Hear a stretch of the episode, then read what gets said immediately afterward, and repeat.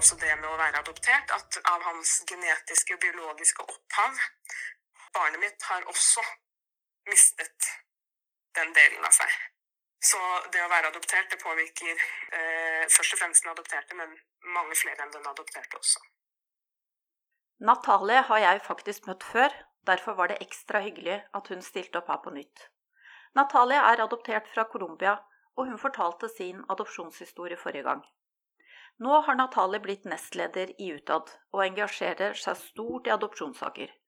Hun definerer seg selv som adopsjonsaktivist, og vil jobbe både politisk og inn i miljøet for de sakene hun brenner for. Denne lidenskapen merker man godt at Natalie har. Hun ønsker å utgjøre en forskjell for sak og person. Her er Natalie i form av seg selv og sitt verv i Utad. Natalie, så hyggelig at du kunne stille opp her igjen. Takk for at jeg ble spurt. Forrige gang så gikk vi gjennom din eh, adopsjonshistorie, men eh, det har gått noen år nå, og nye erfaringer har kommet underveis. Hvor står du med din eh, adopsjonshistorie i dag, Natalie? Det som har endret seg siden sist, sånn i all hovedsak, er at jeg har rett og slett blitt mye mer kritisk til adopsjon.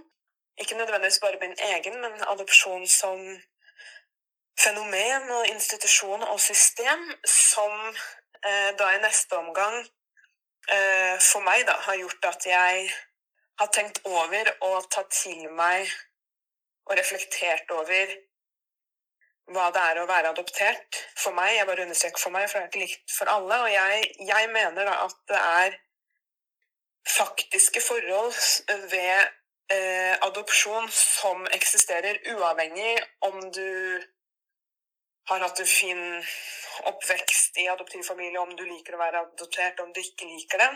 Eh, og dette er forhold som jeg Jeg har nok alltid vært klar over det eh, på et nivå, men det, jeg har ikke reflektert og på en måte virkelig kikket på det så mye som jeg har gjort eh, nå spesielt det seneste året, da, hvor jeg har blitt mer kritisk.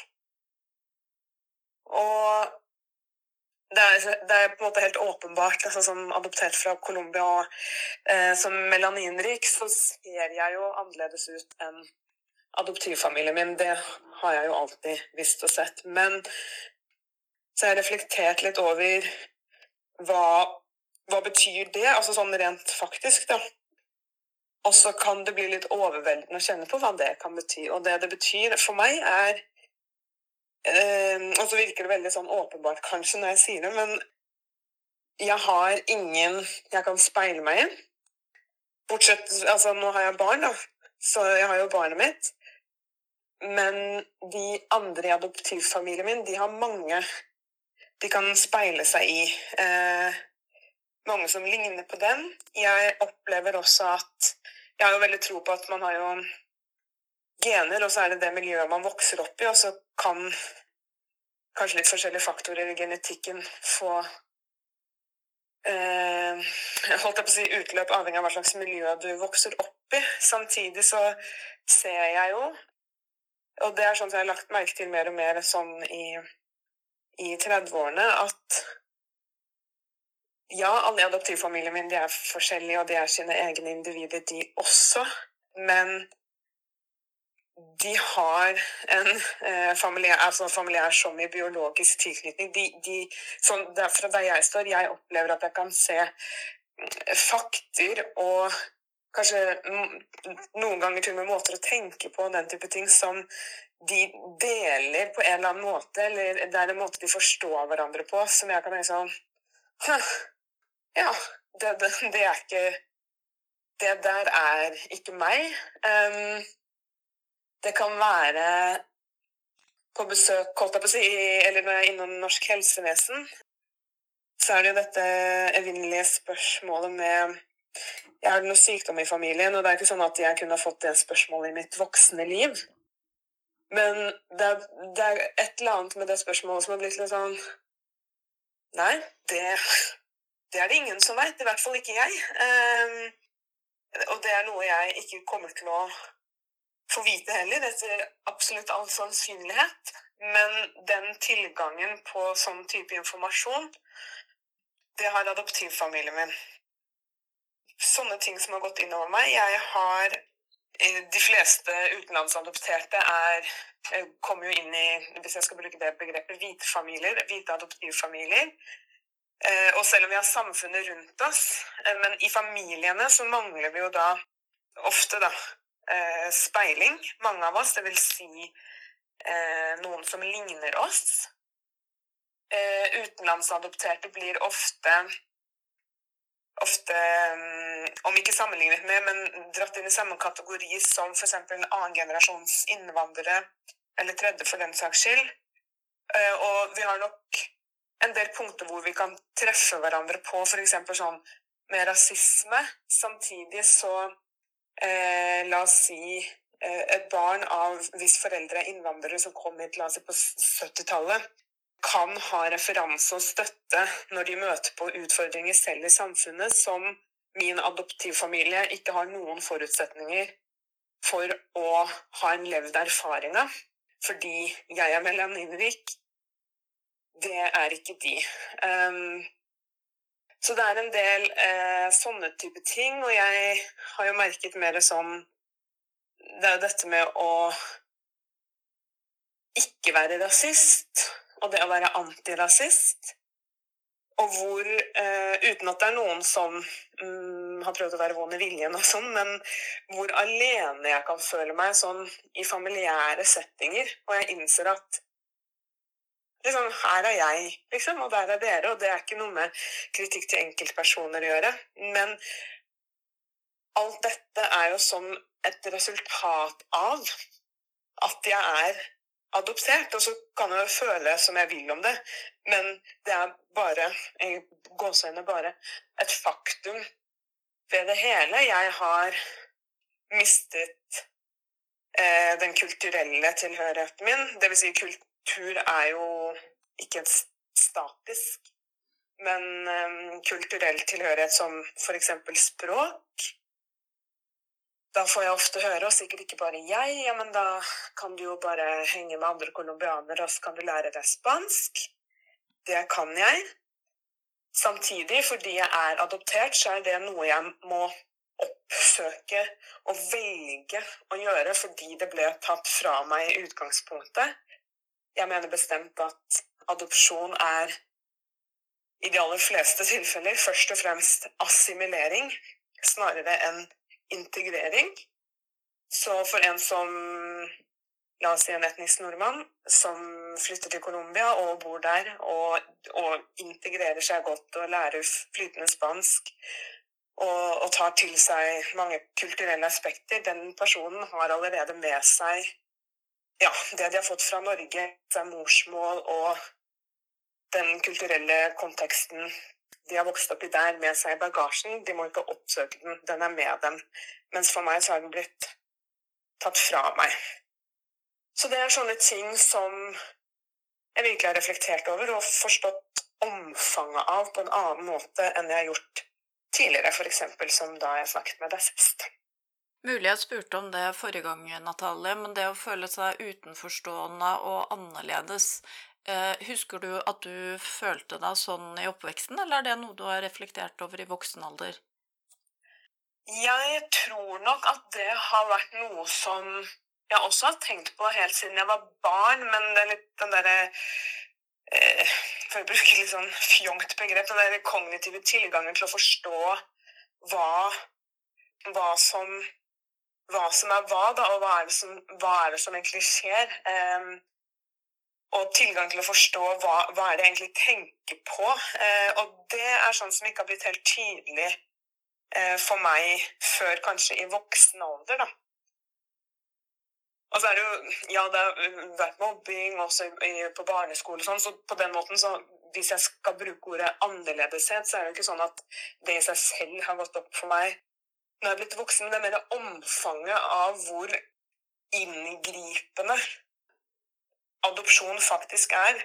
Og igjen, der vil jeg bare understreke at um, jeg skrev en kronikk om det at adopsjon er inngripende, men det, uh, og det er helt uavhengig av hvordan man føler om det å være adoptert. Det er bare faktum på en måte ved det å være adoptert, og det faktumet har ikke jeg tatt inn over meg før sånn på ordentlig da, før i voksen alder. Hva tenker du om utenlandsadopsjon som konsept? Jeg eh, det, er, det, er, mye å tenke om det. Jeg er jo veldig kritisk til det. Ideelt sett så skulle jeg personlig eh, eh ønske at det ikke eksisterte. Og det er eh, utrolig mange Ja da, det er det juridiske, og det er flere lovverk som har kommet på plass siden jeg ble adoptert på 80-tallet. F.eks. Altså det er menneskerettigheter, og det er Haag-konvensjonen, der det er en egen kommisjon eh, for internasjonale adopsjoner. Og så har man jo eh, FNs barnekonvensjon, eller ja, og eh, alt dette har jo Norge ratifisert sånn fra 90-tallet. og utover.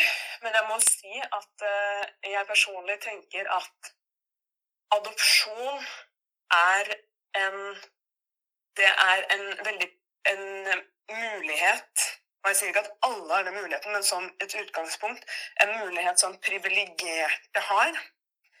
Um, det globale nord har denne muligheten, da ofte på bekostning av, når vi snakker om utenlandsadopsjoner, det globale sør. Så jeg, jeg er sterkt kritisk til det, og all den tid adopsjon eksisterer, så er ikke systemene sånn som det er i dag, bra nok. Har du gjort deg noen tanker eh, hvordan livet ditt ville vært hvis du hadde vært igjen i Colombia? Ja, jeg har vært inne på tanken. Samtidig så er det eh, veldig vanskelig å si noe konkret om. Altså, det er jo veldig et sånn argument som jeg og eh, sikkert mange med meg hører, eh, og kanskje spesielt for de som er mer kritiske til adopsjon. Da, ja, men da hadde du, hadde du jo vært fattig. Og der har vi litt en veldig sånn ja, stakkars de borti her og se på, se på oss.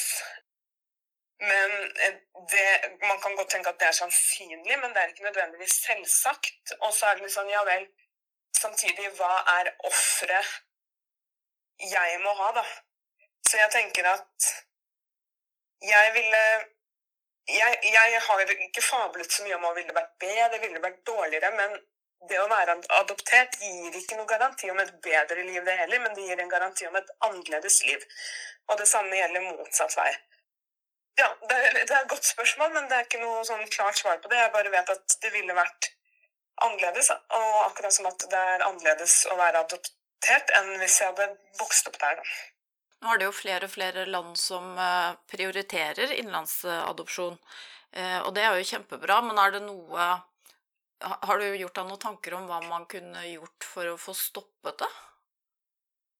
Eh, utenlandsadopsjoner? Ja det virker veldig usannsynlig fra her jeg står, at det kommer til å skje. Altså sånn verden, altså at utenlandsadopsjoner i sin helhet stanser.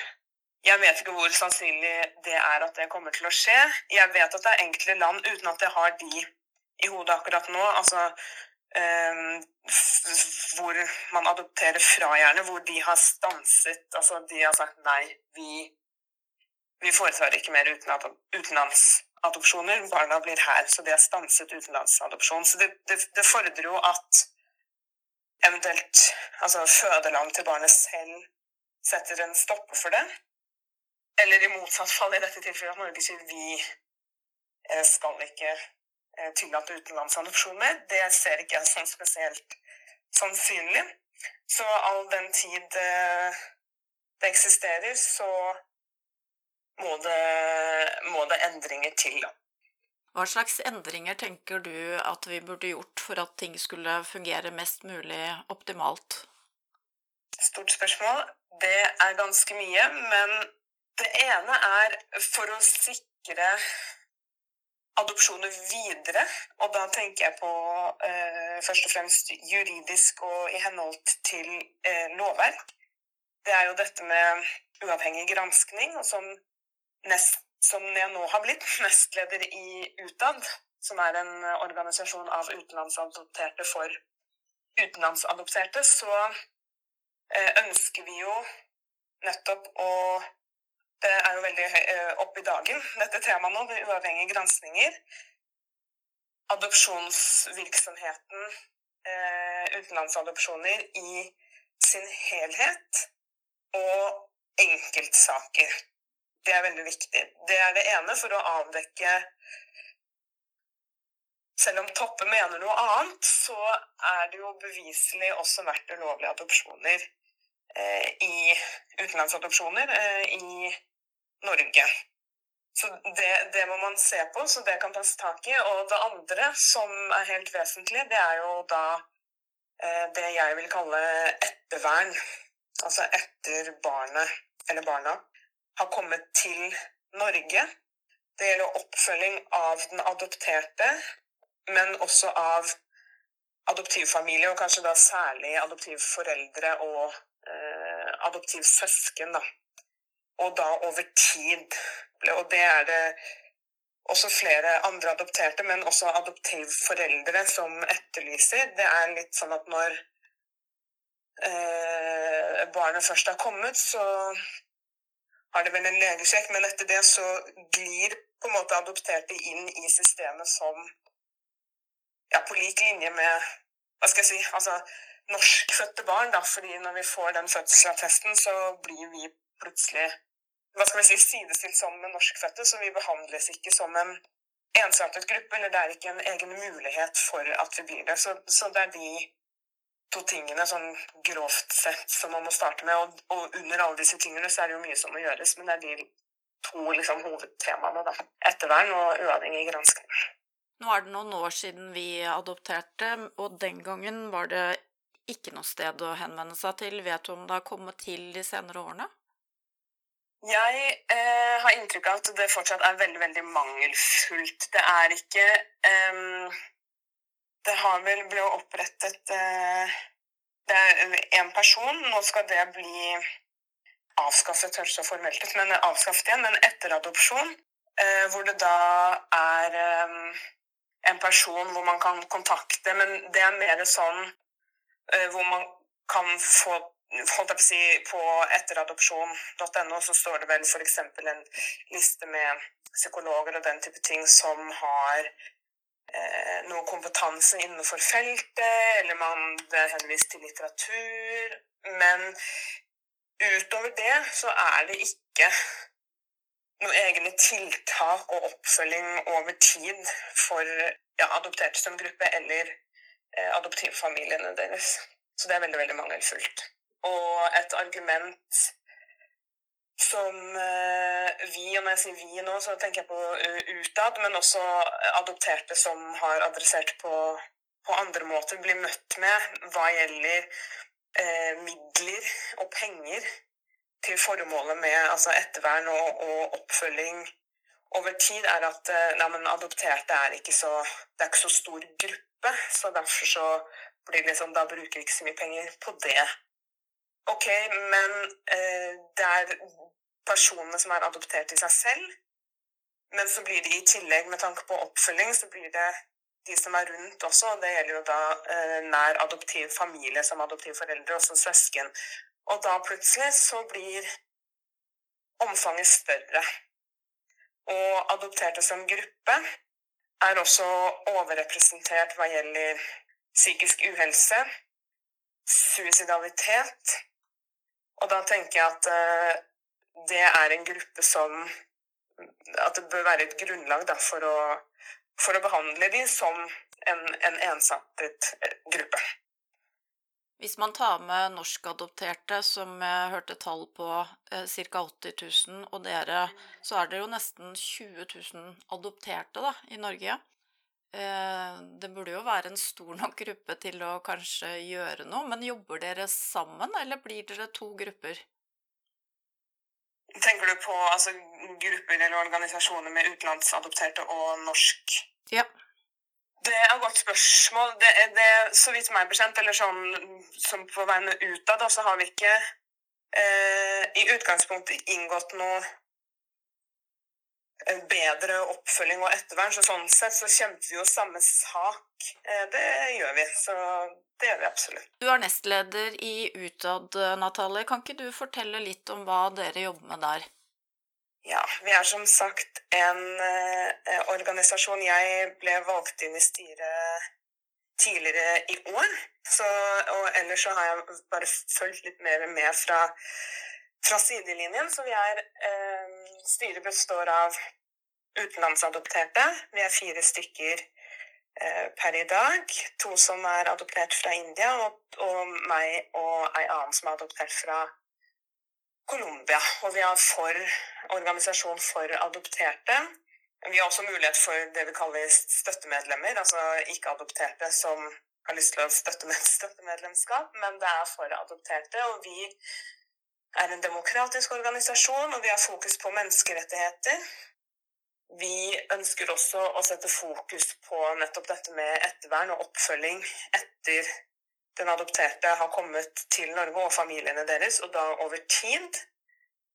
Vi ønsker også en mulighet for adopterte til å søke om oppreisning for feilplasseringer og omsorgssvikt, sånn som fosterhjemsbarn og barnevernsbarn kan på et særskilt grunnlag søke om oppreisning fordi fosterhjem og, og, og barnevern det er, det er statlig Eh, hva skal vi si eh, formidlet eller ja, via staten. Og det samme gjelder jo hele adopsjonsprosessen eh, også, hvor staten er en stor del av det og har jo ansvar for disse forhåndsgodkjenningene og prosessen til ja, det hele er ferdigstilt. Så vi mener at adopterte også bør få lov å og, og få mulighet til å søke om oppreisning eh, på særskilt grunnlag ved omsorgssvikt og feilplasseringer. Det tenker vi er veldig viktig. Og eh, det er jo klart at det finnes ikke noe manual på det å være forelder for noen av oss, og hva som er en bra nok og, og den type ting. Men jeg har snakket med noen adoptivforeldre hvor, eh, som argumenterer med og da ikke i tilknytning til oppreisning, men sånn i det store og hele at det er en veldig lang prosess, og det er veldig mye utredninger og tar for lang tid og sånn. Jeg kan jo forstå at det er belastende, at det, det, at det tar tid, men jeg tenker at det er helt betimelig. Det der er ikke noe som skal gå fort og, fort og kjapt. Det er snakk om menneskeliv her. Så er det noen som da kommer med argumentet at ja, nå fordi de har gått gjennom disse lange utredningene og, og sosiale rapporter og sikkert samtaler med psykolog og leger og den type ting, så er det noen som blir litt sånn ja, de, og, og får de forhåndsgodkjenningen, så blir det på en måte et stempel på at ja, nå har vi i hvert fall en dokumentasjon på at vi er dugende som foreldre. Jeg syns det er et litt sånn søkt argument, for det trenger ikke i utgangspunktet å si noe om dine faktiske ferdigheter som forelder når, når, det først kommer til stykket. Men hvis vi nå skal bruke det argumentet i seg selv, da, så tenker jeg at det bør jo eh, nettopp pga. Altså disse utredningene og, og, alt som gjøres i den prosessen, så bør det i seg selv også være et argument for at ja, da, da bør man kunne søke om eh, oppreisning, da. Så det er det eh, utad um, utad gjør, jobber, jobber, for adopterte, og for at adopterte skal for adoptertes narrativ skal få et større bilde i hva gjelder adopsjon og det å være adoptert, da vi i Utad vil hevde at eh, Og ikke bare vi, men at narrativet ikke Vi har ikke hovedsetet der. Det er det adoptivforeldre som har hatt, eller forskere eller andre rundt adopterte, slik at en del opplever at vi blir snakket mer om enn med. Og blir vi snakket med, eh, så er det ofte Og jeg sier ikke at eh, enkelthistorier og, og opplevelser ikke er viktige, at de ikke skal fortelles, men det kan oppleves som, for å bruke det litt folkelige begrepet, litt sånn sosial pornografi, da, istedenfor at vi blir tatt med som en, en seriøs aktør. Eh, F.eks. innen forskning og når man ser ting på systemnivå. Jeg vil bare tilbake til litt av det med kunnskap og informasjon. Eh, jeg vet at det har kommet litt mer kursing og sånn de senere årene i forkant, men eh, prosessen i forkant av adopsjon eh, utlater veldig mange temaer som kunne vært veldig ålreit å vite på forhånd. Det mangler kanskje litt oppfølging og, og ting der også? Det vil jeg si. Så vidt meg bekjent, og det kan jo hende du kan bekrefte eller avkrefte det, er, er, det vel eh, ett eller to sånne obligatoriske kurs man må gå på før man fortsetter med prosessen. Mm. Jeg har for ikke så veldig lenge siden, etter jeg skrev en kronikk, så hadde jeg et Teams-møte med noen eh, et, et, par da, som er i en adopsjonsprosess, som gjerne ville ja, høre om, liksom, om hva jeg syntes var viktig at de skulle tenke over. Eh, ja, når de skulle bli adoptivforeldre og, og sånn. Og da snakket vi litt om disse kursene. Sånn umiddelbart på stående fot så tenker jeg at det er to ting. Det ene er det bør være eh, et eget kurs. Eh, et kurs nummer tre, om du vil, som er knyttet til rasisme. Og det må, mener jeg, eh, holdes av Eh, mennesker som er representert av gruppen det gjelder.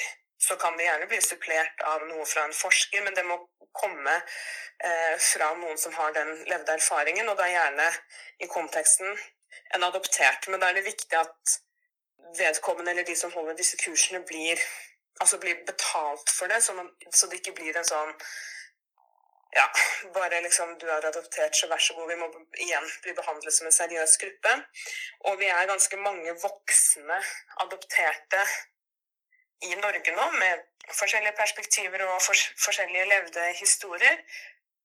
Og jeg tenker at um, de kursene eh, så absolutt bør ha rom for å eh, høre narrativ fra de som nå er voksne, og da gjerne også på en seriøs måte igjen, sånn at det ikke nødvendigvis poenget er eh, holdt jeg på å si, en, en sosial pornografi, men om, om, det kan også være representanter fra organisasjoner. Og da snakker jeg ikke om adopsjonsformidlerne, men det kan være utad og andre som jobber likt eller på litt forskjellige måter, som kan representere og fortelle fortelle litt om hvordan situasjonen kan være eller er for adopterte. Det bør inn. Det paret som jeg snakket med for noen måneder siden, jeg spurte de er det noe under disse kursene hvor dere får høre om adopsjon fra den adopterte perspektiv.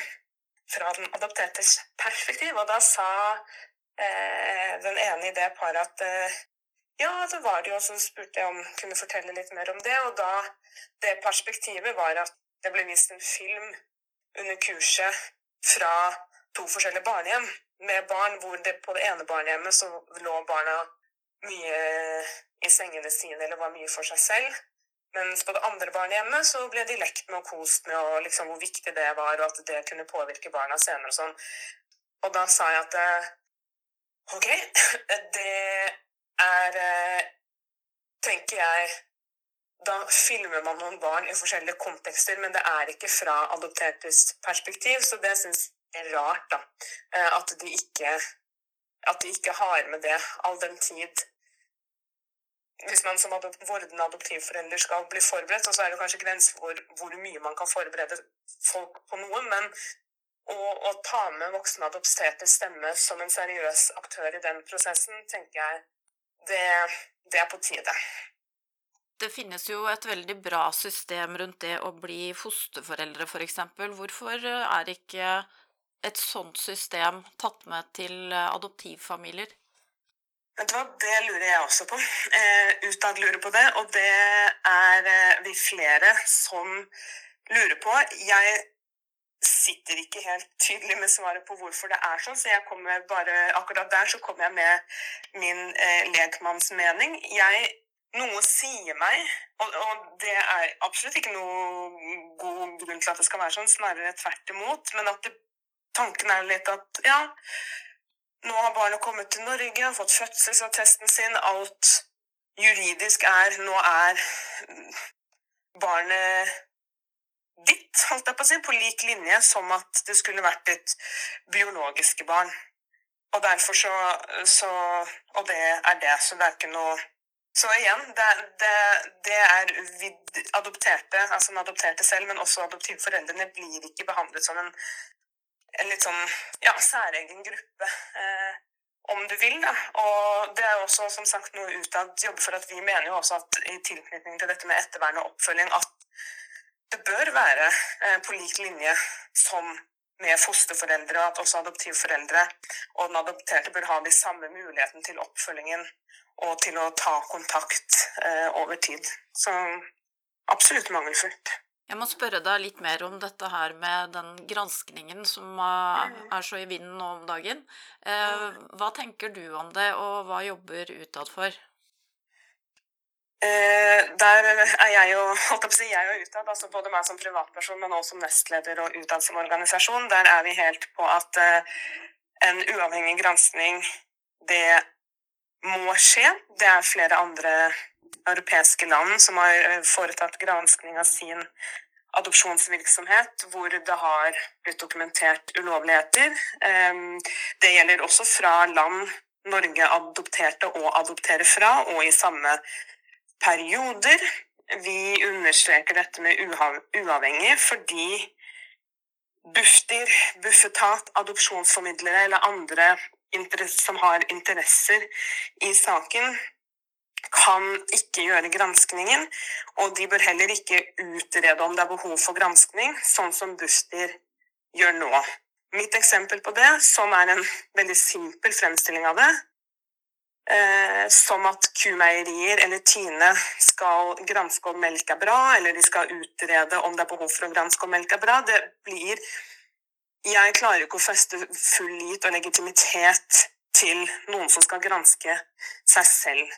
Så vi, eh, selv om vi ikke ble overrasket så ble vi eh, like fullt skuffet eh, i Utad. da toppa han intervjuet sitt på NRK og sa at ok, vi holder på nå i direktoratet, altså Bufdir, å utrede om det er behov for gransking, samtidig som hun i neste setning sier at de eh, har ingen eh, tegn på at det er forekommet noen ulovlige adopsjoner i Norge, som da beviselig er uriktig, eh, med tanke på de som allerede vet det, og enkelte av de har også stått fram og hatt saker i media. Og så kan man spørre ja, hvorfor sier de at det ikke har forekommet da?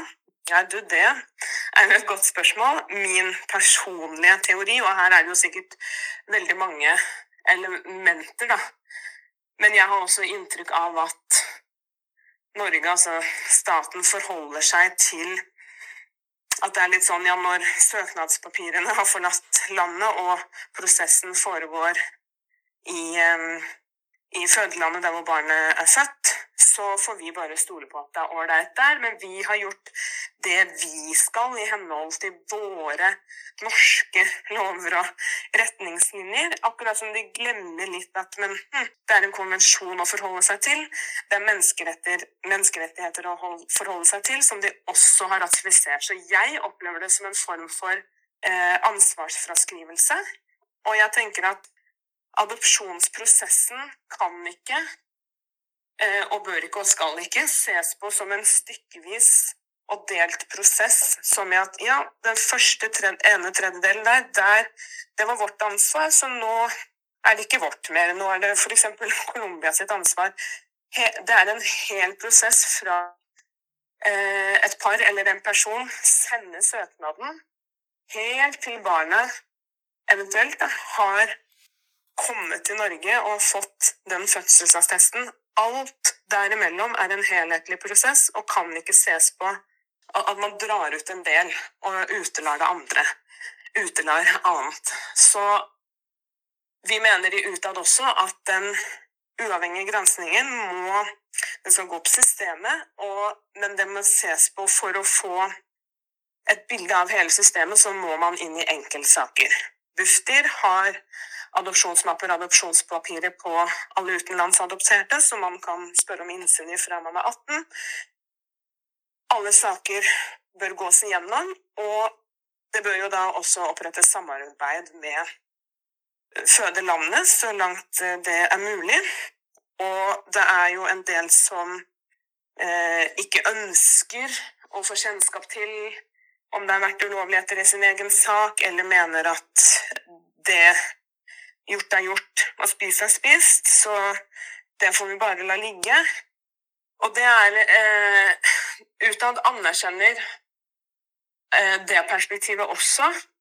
Og vi ser jo at eh, dersom det blir en uavhengig granskning, så tenker jeg at de bør opprette en mulighet for eh, at adopterte kan ta kontakt, da, altså sånn få støtte. For det, ja, det kan være en følelsesmessig tung prosess. Og adoptivforeldre eh, har jo da også vært med i en prosess som jeg regner med de fleste eh, har tenkt at ja, men dette er helt innafor og etter, etter alle kunstens regler. Så det er jo en del adoptivforeldre som også kan bli satt i en posisjon eller i en situasjon de ikke visste at de egentlig var i. Når det er sagt, så tenker vi at menneskerettighetene må komme over følelsene til folk. Jeg mener at selv om jeg kan forstå perspektivet Hvis jeg skulle sagt jeg eh, vil ikke vite om det er ulovligheter i min sak, så derfor så syns ikke jeg det bør granskes i det hele tatt. Det mener jeg er å sette seg selv og sine egne følelser over menneskerettigheter og for svært inngripende prosesser for den adopterte, men også for den adoptertes biologiske foreldre og øvrig biologisk familie. Det er mange som påvirkes av det her. Og da um, så tenker jeg at muligheten bør være der for at hver den, om det nå foretas en uavhengig gransking, og alle enkeltsaker skal ses på, så betyr ikke det at hvert enkelt individ eh, hvis sak har blitt sett på, trenger å få vite personlig i din sak har det skjedd noe ulovlig. Der tenker jeg at det bør opprettes en mulighet for at, at ok, la oss si de foretar en uavhengig granskning, og de går inn i enkeltsaker. Og bare som et eksempel nå um, Ok, vi har funnet at det har vært ulovlige adopsjoner fra ja, Colombia og Sør-Korea i denne og denne tidsperioden. Dersom du var adoptert da, så kan du ta kontakt og så med noe kontaktinformasjon for å vite om det gjelder i din sak. Og i den sammenheng så bør det igjen også opprettes en mulighet for å søke om oppreisning og erstatning eh, der hvor det er dokumentert ulovligheter. Og skulle en uavhengig granskning gå på system, men ikke inn i enkeltsaker, sånn med tanke på de som mener at det ikke bør granskes i det hele tatt, så eh, er vi jo egentlig like langt, fordi konklusjonen kan jo bli det samme. Altså Selv om man ikke går inn i enkeltsaker, så kan man si ja, vi ser når vi gransket systemet, og vi ser at det har forekommet eh, forhold som gjør, har gjort adopsjoner ulovlig for denne og denne tidsperioden for disse og disse landene. Og hvis det er noen av de da som mener at ok, gransk gjerne systemet, men ikke enkeltsaker, men som er adoptert fra de landene når det har blitt gransket system, så er vi jo like langt. Så jeg tenker at det, eh, det er, ingen trenger å mene det samme om dette, men det, det er ikke noen argumenter som er gode nok til å la være da, å foreta en uavhengig gransking, eh, mener jeg, og mener utad. Som adoptert, Natale, hvis det hypotetisk sett skulle vise seg at din adopsjon var ulovlig, hva ville du tenkt rundt det? Eh, sånn umiddelbart når du stiller spørsmålet, så vil jeg faktisk si at det hadde Det ville ikke overrasket meg av en eller annen grunn. og jeg ville tenkt at Eh, det er jo sånn selve adopsjonen, ulovlig eller ei, får jeg jo ikke gjort om. Og da er det noen som er sånn Har jeg fått høre av en person som sa at eh, ja, skal du bare søke om oppreisning og leve liksom på penger fra staten fordi at adopsjonen din var ulovlig, men det, det er den det handler ikke egentlig så mye om eventuelt en pengesum. Ja, det er fint å ha det, men det er en, en, en viss om en, en litt svart igjen, men det er i hvert fall en, en anerkjennelse eh, fra statlig hold om eh, ulovligheter. Og avhengig, avhengig, av hva det ulovlige ville vært, for det er jo forskjellige ting som kan medføre at en, en adopsjon er ulovlig, så eh, stiller jeg jo spørsmål ved Ville jeg stilt meg spørsmål ved Men herregud, hva med liksom min, min eh, biologiske eh, familie, og ikke minst min, min biologiske mor, da?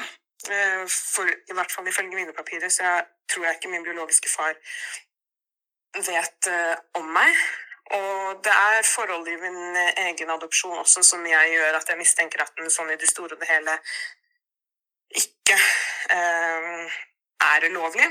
Heller ikke etter eh, enkelte norske plikter man har i en adopsjonsprosess. Jeg vil ikke si mer konkret, og det er litt sånn for personvern fordi det gjelder. Men jeg har adressert dette, og da fikk jeg som svarer at ja, men er det så viktig, da?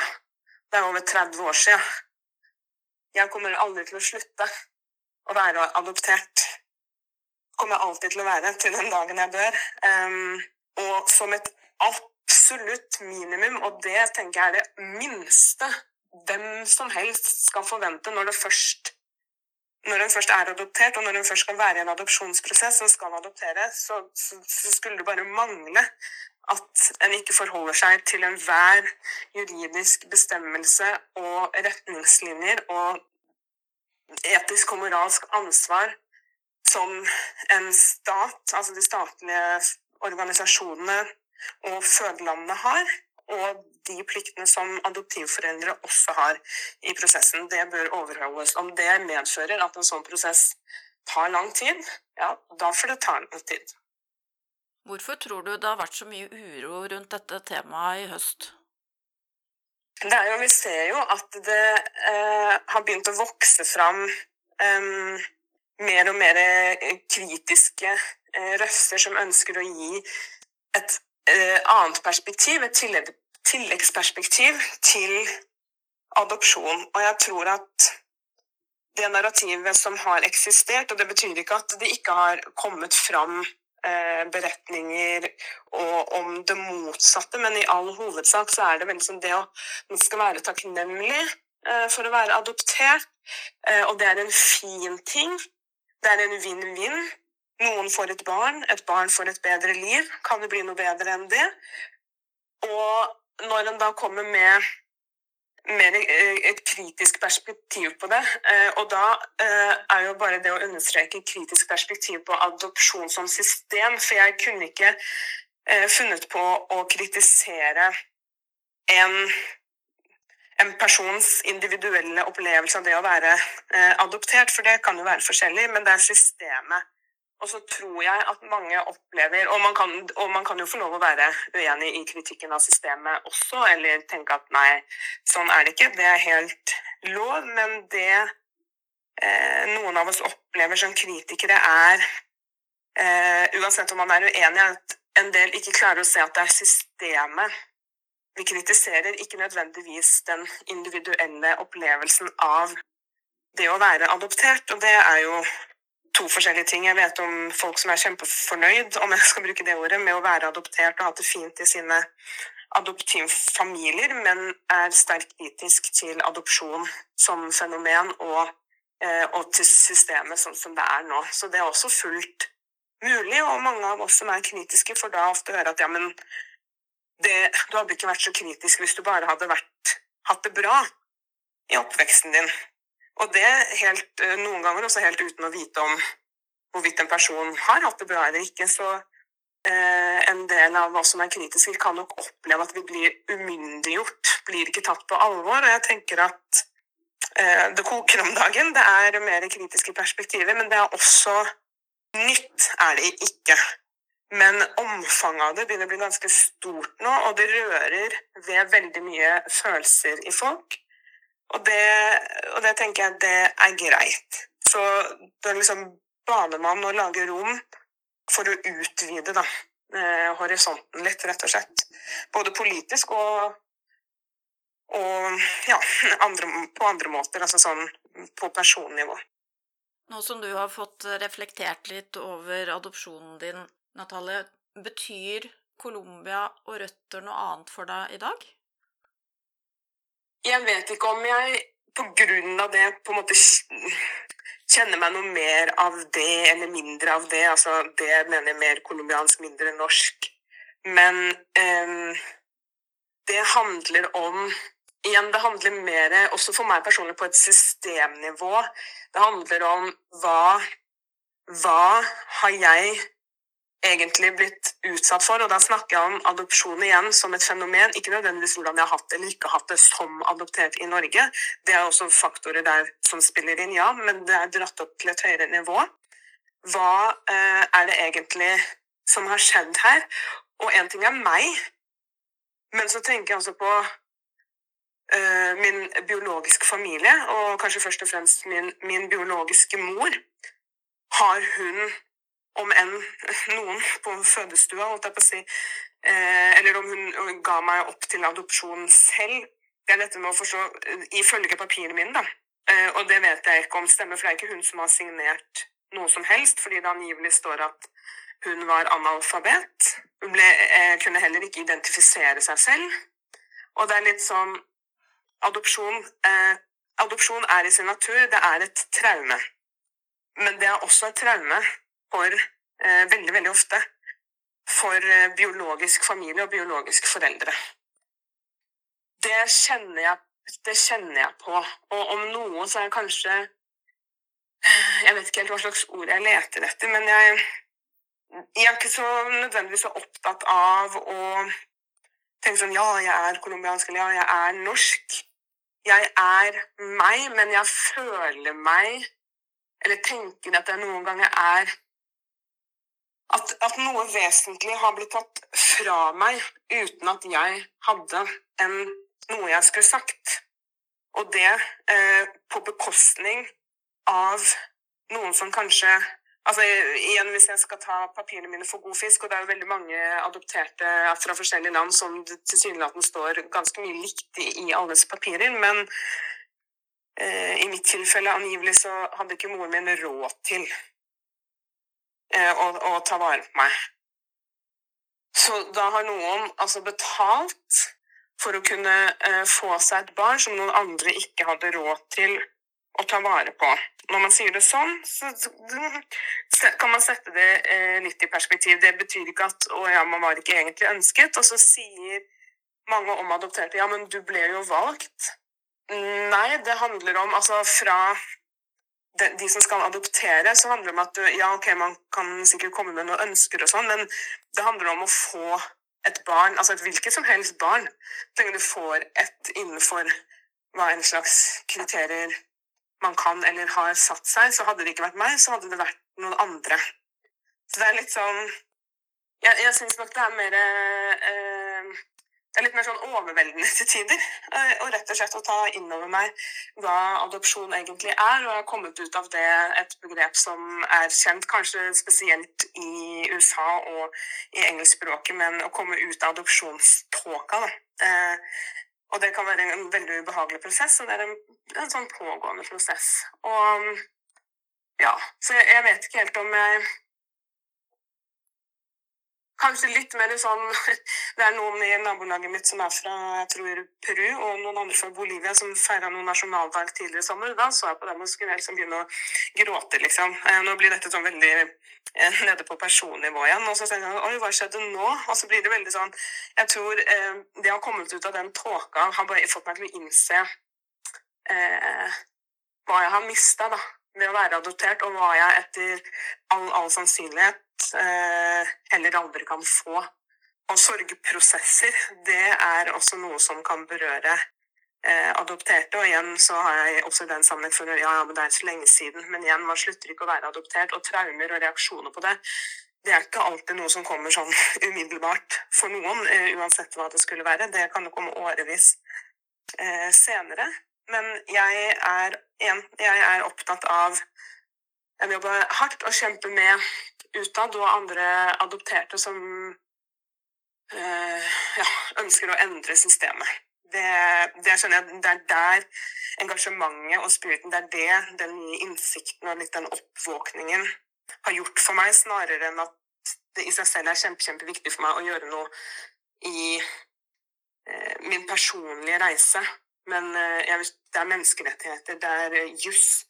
Eh, ting eh, må endres, da, all den tid adopsjon eh, eksisterer. Og for min egen sånn personlige reise så har jeg gjort det på en måte jeg tenker jeg utgangspunktet per dags dato har krefter og ork og, og gidd til å gjøre. Det er, jeg har leid en person som brukte fire-fem år på lete for noen år siden. Fant ikke noe der, bortsett fra at bestemoren min, hvis vi tenker at det var riktig person, i hvert fall døde for en del år siden.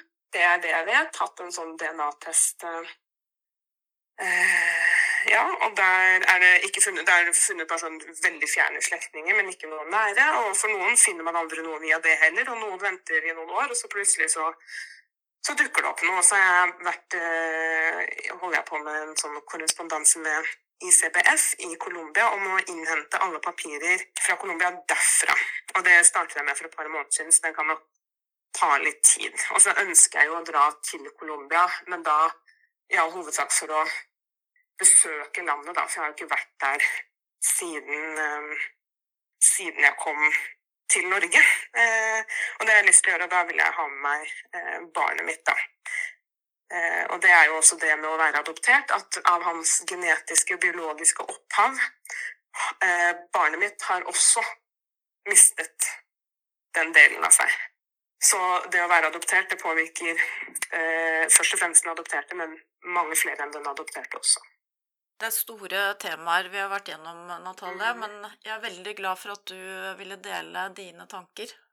Takk for at jeg fikk dele.